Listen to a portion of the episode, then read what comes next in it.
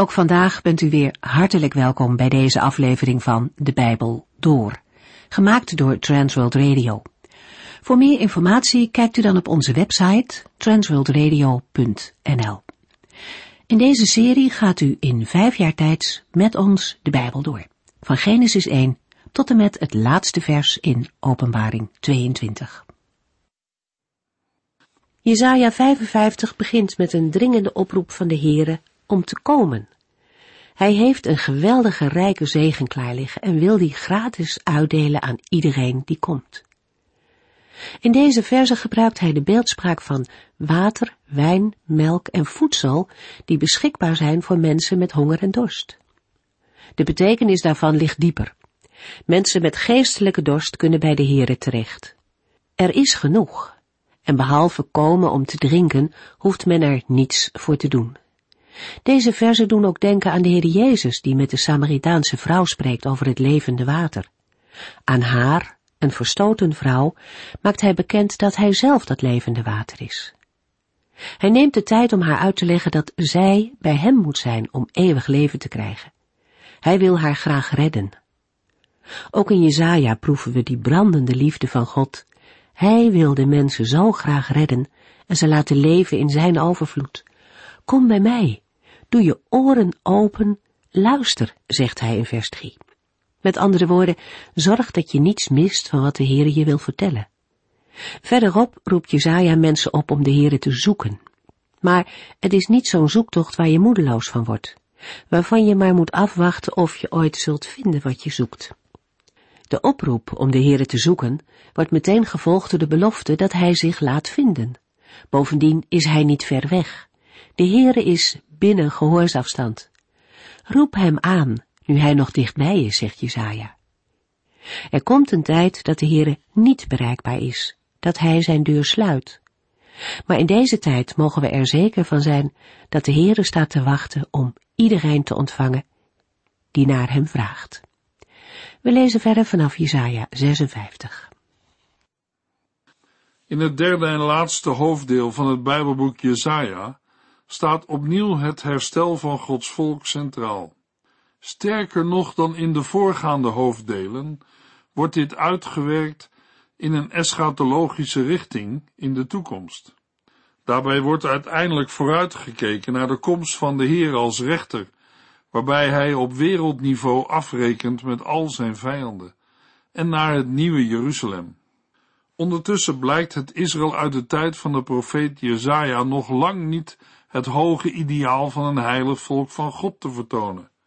Terwijl in de voorgaande hoofdstukken meer in het algemeen over Israëls zondigheid, hardheid van hart en geestelijk doof en blindheid werd gesproken, staan in Jesaja 56 tot en met 66 concrete aanklachten tegen sociaal onrecht en afgoderij.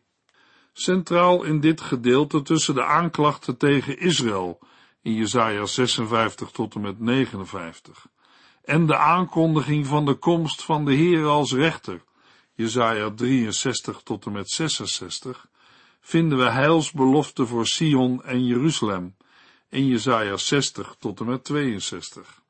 Net als in het tweede hoofddeel komt naar voren dat het de Heere zelf is die het herstel zal geven dat Sion zo nodig heeft.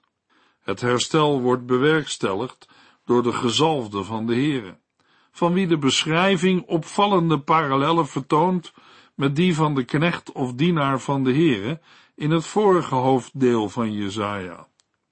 In veel Bijbelverklaringen wordt Jezaja 56 tot en met 66 beschouwd als trito Jezaja, waarbij de situatie van de terugkeer naar de ballingschap in Juda wordt verondersteld en het begin van de herbouw van de tempel.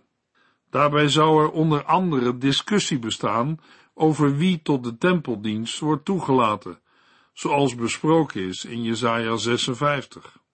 Zoals we bij de introductie van het Bijbelboek al hebben gezegd, zijn de argumenten voor deze visie niet sterk genoeg en gaan wij bij de programma's van de Bijbel door uit van de eenheid van het Bijbelboek Jesaja. Het Bijbelboek moet als geheel worden gelezen tegen de achtergrond van de tijd van Jezaja zelf. Vergelijking met andere profetische Bijbelboeken uit dezelfde periode, met name Amos en Hosea, laat zien dat de aanklacht tegen de sociale misstanden, afgoderij en vormgodsdienst goed past in deze periode, terwijl diverse passages uit Jesaja 56 tot en met 59 minder goed passen bij de tijd na de ballingschap. Er is in Jesaja 56 sprake van afzonderlijke proselieten, die zich uitgesloten voelen. Daarentegen zijn de buitengesloten vreemdelingen in het Bijbelboek Nehemia geen beleiders van het Joodse geloof. Esdra en Nehemia keerden zich niet tegen proselieten. Verder passen de veroordeling van de leiders in Jesaja 57, de vervolging van de rechtvaardigen in Jesaja 57 en de afgodendienst in Jesaja 57 niet bij het beeld dat beschreven wordt in de Bijbelboeken Haggai, Zacharia, Ezra en Nehemia. Jesaja 56 tot en met 59 is het negende subdeel van het Bijbelboek Jesaja en het eerste gedeelte van het derde hoofddeel. Jesaja 56 vers 1 tot en met 8 is een aansporing om als verbondsvolk van de Heere eerlijk en rechtvaardig te leven. Wie zo leeft, mag zich welkom weten in de tempel, in Gods huis. Binnen het thema van Gods huis komen concrete zaken aan de orde, zoals het in ere houden van de Sabbat en de plaats van de enig en vreemdeling. Het sluit aan bij zaken die eerder in het Bijbelboek Jesaja aan de orde zijn gesteld. In veel opzichten is Jesaja 56 een uitwerking van het heil dat in Jesaja 55 is beschreven. Tegelijkertijd fungeren de eerste acht versen als inleiding op heel het derde hoofddeel van het Bijbelboek Jesaja. Dit blijkt hieruit dat verschillende thema's uit dit gedeelte in de slotversen van het derde hoofddeel terugkomen. In beide gedeelten wordt gesproken over het terugbrengen van de uitgestotenen uit Israël, dan wel van andere volken. In beide gevallen komen zij naar het huis of de heilige berg van de Heere. In beide gedeelten is aandacht voor de Sabbat en de komst van vreemdelingen die de Heere dienen. In beide gedeelten is sprake van een naam die blijft en nooit zal verdwijnen. Jesaja 56 vers 1 Wees rechtvaardig en eerlijk tegen iedereen, zegt de Heere God. Doe wat rechtvaardig en goed is, want ik kom binnenkort om u te redden en mijn rechtvaardigheid te tonen. Het gebrek aan rechtvaardigheid is een oorzaak geweest voor Gods oordeel. Nu de verlossing van de Heere dichtbij is gekomen en openbaar wordt, eist de Heere meer dan ooit dat de mens recht doet en het recht handhaaft. In Jesaja 49 vers 6 wordt dezelfde uitdrukking gebruikt. Verlossing gaat daarbij zowel in Jesaja 56 als ook in Jesaja 40 tot en met 55 veel verder dan alleen de terugkeer uit in Jesaja 39 aangekondigde ballingschap. De bedoelde verlossing spreekt van volledig herstel van het volk als volk van God en van Sion als luisterrijke stad. Het woord verlossing heeft daarmee een eschatologische lading. Het heil komt niet omdat er gerechtigheid is gedaan, maar omdat gerechtigheid komt. Daarom klinkt de oproep om ook vanuit dat heil te leven, gerechtigheid te doen en te doen wat goed is. Jesaja 56 vers 2 Gezegend is wie de Sabbat in ere houdt. Gezegend is wie zichzelf weerhoudt van slechte daden. Er wordt een zegen toegezegd aan een mens die de Sabbat in ere houdt en zich onberispelijk gedraagt. De plotselinge verwijzing naar de Sabbat kan verbazing wekken, omdat de Sabbat sinds Jesaja 1 vers 13 niet meer is genoemd. Maar in Israël stond de Sabbat centraal, zowel voor als na de ballingschap. Het houden van de Sabbat betekent ook verbondenheid met de God van Israël, vanuit het verlangen om de door hem ingestelde feesttijden in acht te nemen en daarmee zijn naam te eren. Tegelijk is de Sabbat een herinnering aan de verlossing van de Heere en een teken van toewijding. De Sabbat is ook een herinnering aan de Heere, de God van Israël, als schepper van de wereld. Jesaja 56 vers 3 tot en met 5 Als iemand van een ander volk zich bij de Heere aansluit, laat hij dan niet zeggen, de Heere zal mij achterstellen bij zijn eigen volk. Zelfs als hij een eunig is, moet hij niet denken minderwaardig te zijn.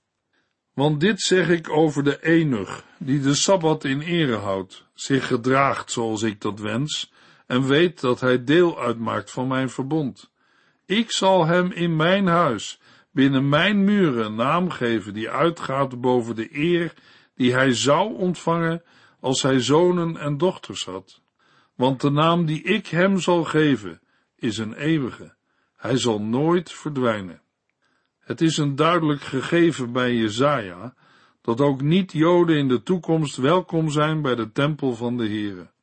Ik noem enkele concrete voorbeelden van mensen die achtergesteld waren in Israël. De vreemdelingen die zich aan het verbond houden, moeten zich niet langer uitgesloten voelen. Er waren eerder vreemdelingen die een plaats in het volk van Israël hadden gekregen. De acceptatie, ook geestelijk, van ingeburgerde vreemdelingen is ook een verordening in de wet. Jezaja ziet dat dit gegeven in de toekomst eerder regel zal worden dan uitzondering. Voorwaarde is wel dat de vreemdeling zich ook bekeert tot de geestelijke en de morele overtuigingen van Israël, zoals de Heere die in de wet heeft gegeven. Zo niet, dan geldt de wetgeving van uitsluiting. Zelfs een eunig of ontmande, die onder de wet van Mozes werd weerhouden van de tempeldienst, zijn welkom in de tempel als ze binnen het verbond leven. In de volgende verse worden beide groepen direct aangesproken. Tot de ontmande wordt gezegd dat, als zij de Sabbat in ere houden en doen wat de Heere wenst, zij evenzeer gezegend en geliefd zijn. Als zij zich trouw tonen aan de verbondsrelatie met de Heere, zal hun dat ten deel vallen. Een eunig moet zichzelf niet langer zien als een onvruchtbare dorre boom. Zij kunnen dan wel geen families verwekken die hen in ere houden. De Heere geeft hun iets waardevollers dan nageslacht. Hij geeft hun een eeuwige naam, die nooit zal verdwijnen. Jesaja 56, vers 6 en 7. Ja, alle die zich bij het volk van God voegen, hoewel zij behoren tot een ander volk, hem dienen en zijn naam liefhebben, zijn dienaars zijn en de Sabbat niet ontheiligen, en die zijn verbond en belofte hebben aanvaard, zal ik ook naar mijn heilige berg brengen. Ik zal hen vol vreugde maken in mijn huis van gebed. Ik zal hun offers en geschenken aannemen, want mijn tempel zal huis van gebed voor iedereen worden genoemd. Vervolgens worden de vreemdelingen aangesproken die zich bij de Here voegen. Deze vreemdelingen dienen hem met liefde, wat een bepaalde levensstijl inhoudt, maar waarmee meermalen ook de tempeldienst wordt bedoeld. Opnieuw worden de Sabbat en het verbond genoemd, waaraan zij zich zullen houden. Het betekent dat zij hun eigen goden hebben verlaten. Ze zullen komen tot Gods heilige berg, zoals Jezaja altijd heeft beloofd, en hun offers worden in de tempel geaccepteerd. De tempel wordt een gebedshuis voor alle volken. De woorden huis van gebed zijn vooral bekend geworden omdat Jezus de tempelreiniging ermee rechtvaardigde. In de loop van de geschiedenis hebben heel wat synagogen deze aanduiding huis van gebed gekregen. Latere Joodse bronnen hebben de naam van de toekomstige tempel als gebedshuis steeds verbonden met de komst van de koning uit het huis van David. Jesaja 56 vers 8 Want de Heere God, die de uitgestotenen van Israël terugbrengt, zegt, naast mijn volk Israël zal ik daar ook anderen brengen.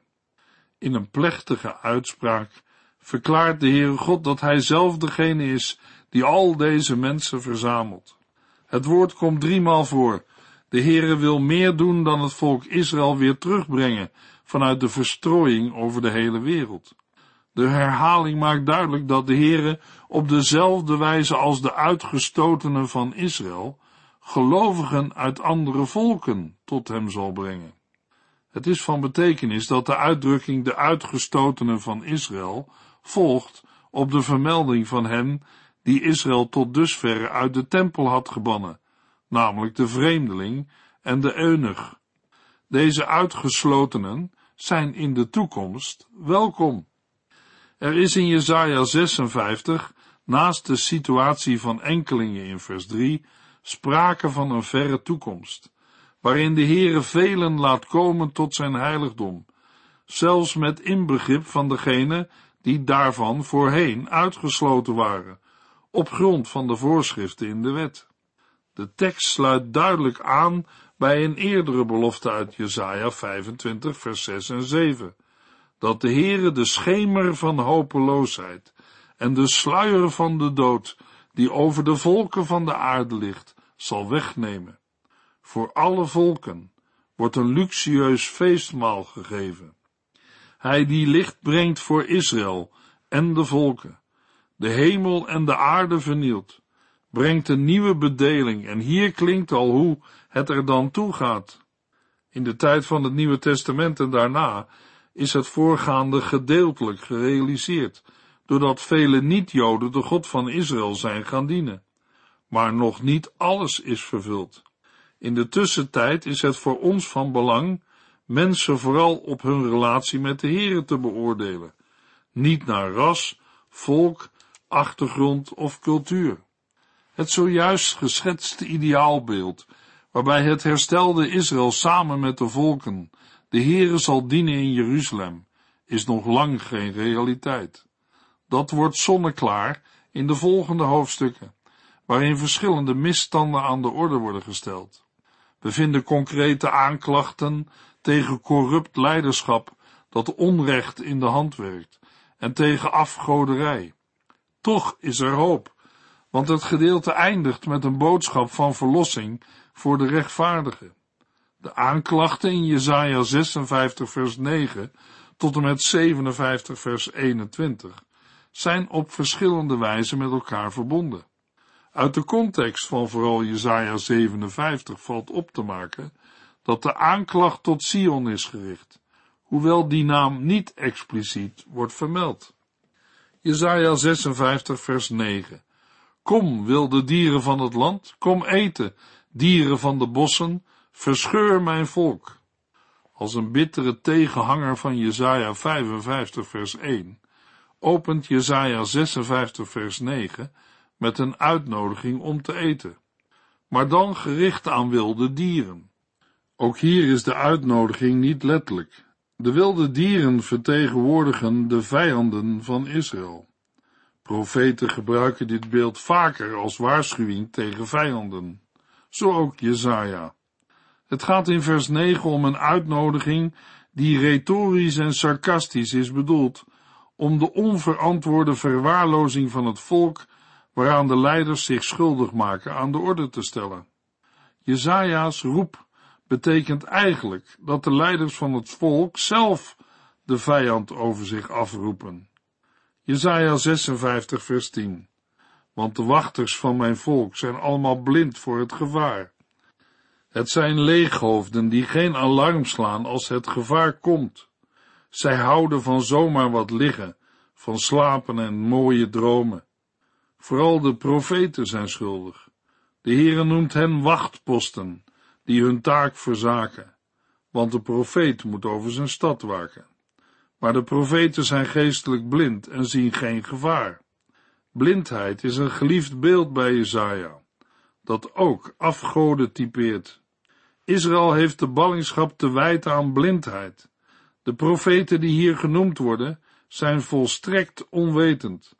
Als de profeten de Heere hadden geraadpleegd, was hun houding anders geweest. Het zijn net waakhonden die bij gevaar niet blaffen. Zij dromen liever dan dat zij bezig zijn met Gods werk. Jesaja 56 vers 11 Zij zijn net zo gulzig als honden. Nooit hebben zij genoeg. Het zijn domme herders, die alleen op hun eigen welzijn letten en elke kans benutten om er zelf beter van te worden. Ze hebben bovendien een onverzadigbare honger, wat erop kan wijzen dat ze tegen betaling spreken, waarbij Jezaja hun materialisme hekelt. De leiders zijn herders zonder inzicht. Ze gaan zonder uitzondering achter hun eigen voordeel en welzijn aan. Jezaja 56 vers 12. Vooruit zeggen zij, laten wij wat wijn halen en een feest houden. Laten we ons eens lekker bedrinken. Dit is pas leven. Zo mag het wel altijd blijven. En morgen wordt het nog mooier.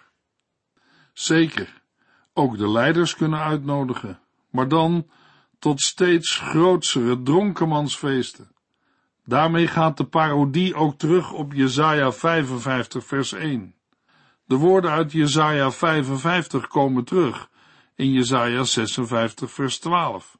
Het drinken van wijn, een feest houden en verzadigd worden. Zo mag het wel altijd blijven. In plaats van het verdelen van eten en drinken onder de behoeftigen, maken leiders misbruik van hun positie om zichzelf te goed te doen. Ze roepen het elkaar toe. Morgen wordt het nog mooier. De herders van Israël voeden zichzelf in plaats van de schapen. Een klacht die ook door Ezekiel is verwoord. Het resultaat is dat het recht met voeten wordt getreden. Jesaja 57 vers 1 Rechtvaardige mensen verdwijnen. De vromen sterven te vroeg. Maar niemand schijnt zich er iets van aan te trekken of zich af te vragen waarom dat gebeurt. Niemand schijnt te beseffen dat God hen wegneemt voordat de kwade dagen komen. Rechtvaardige en vrome mensen sterven zonder dat het iemand aan het hart gaat of het beseft. De rechtvaardigen of vromen ontkomen op die manier aan het kwaad om hen heen. Jesaja 57 vers 2 Zij zullen in vrede rusten, allen die in hun leven de rechte weg bewandelen. Wie rechtvaardig heeft geleefd, wacht zo een vredige dood. Gebrek aan rechtvaardigheid en zwak leiderschap zijn de oorzaak van deze situatie. Blinde zieners of profeten, herders zonder zorg voor de kudde, waakhonden die niet blaffen, leiders die niet hun volk, maar zichzelf bedienen. Ze zullen wel altijd actueel blijven. Ook voor vandaag zit daar een boodschap voor de christelijke gemeente in. Aansluitend op de aanklacht tegen de leiders van Israël volgt een aanklacht tegen de heidense afgodendienst en cultische gebruiken.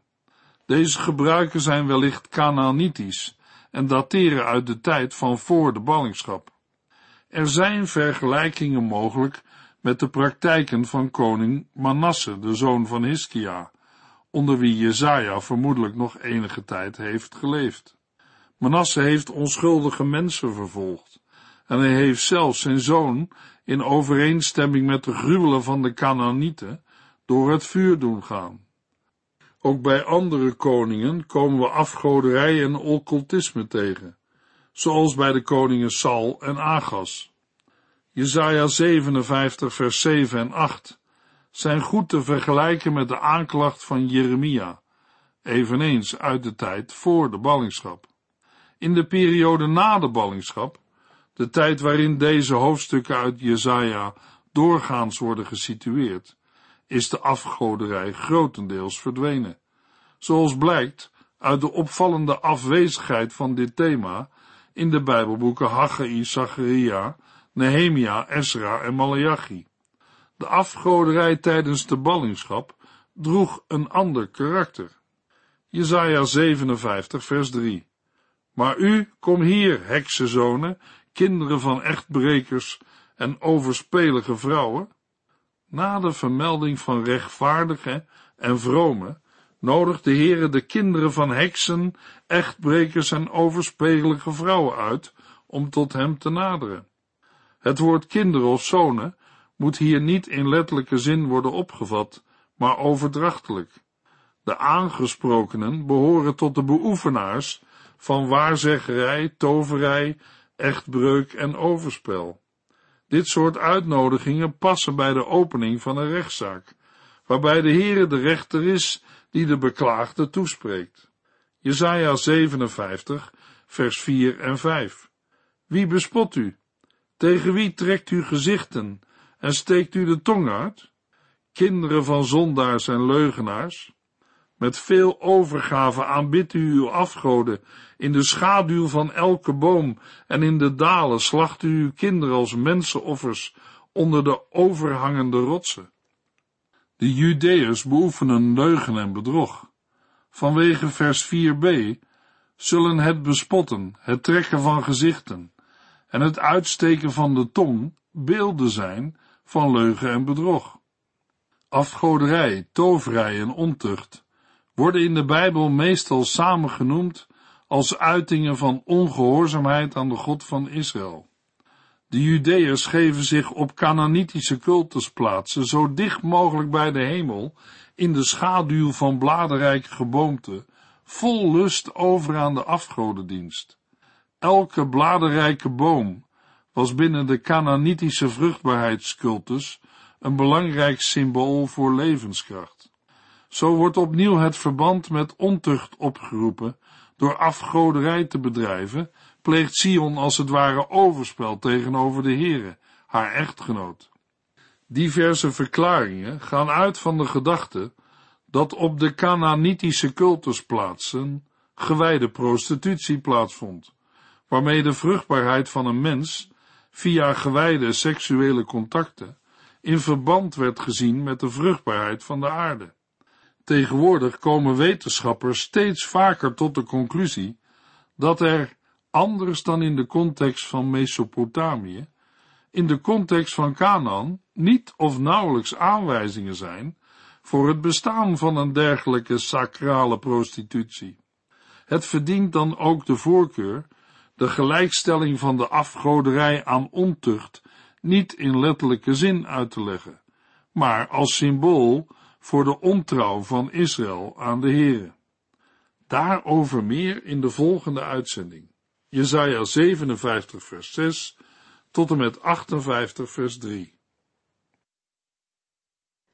U heeft geluisterd naar De Bijbel Door, in het Nederlands vertaald en bewerkt door Transworld Radio. Een programma waarin we in vijf jaar tijd de hele Bijbel doorgaan. Als u wilt reageren op deze uitzending of u heeft vragen, dan kunt u contact met ons opnemen. Tijdens kantooruren kunt u bellen op 0342 47 8432. 0342 47 8432. Ook kunt u een e-mail sturen naar de Bijbel door at transworldradio.nl en natuurlijk kunt u ook via de post ons bereiken. TWR, postbus 371, postcode 3770, AJ in Barneveld. Dit programma werd gepresenteerd door Cor Weda en Ike André. Techniek was in handen van Odin van Voerkom. En wij allemaal bedanken u voor het luisteren. Graag tot de volgende keer.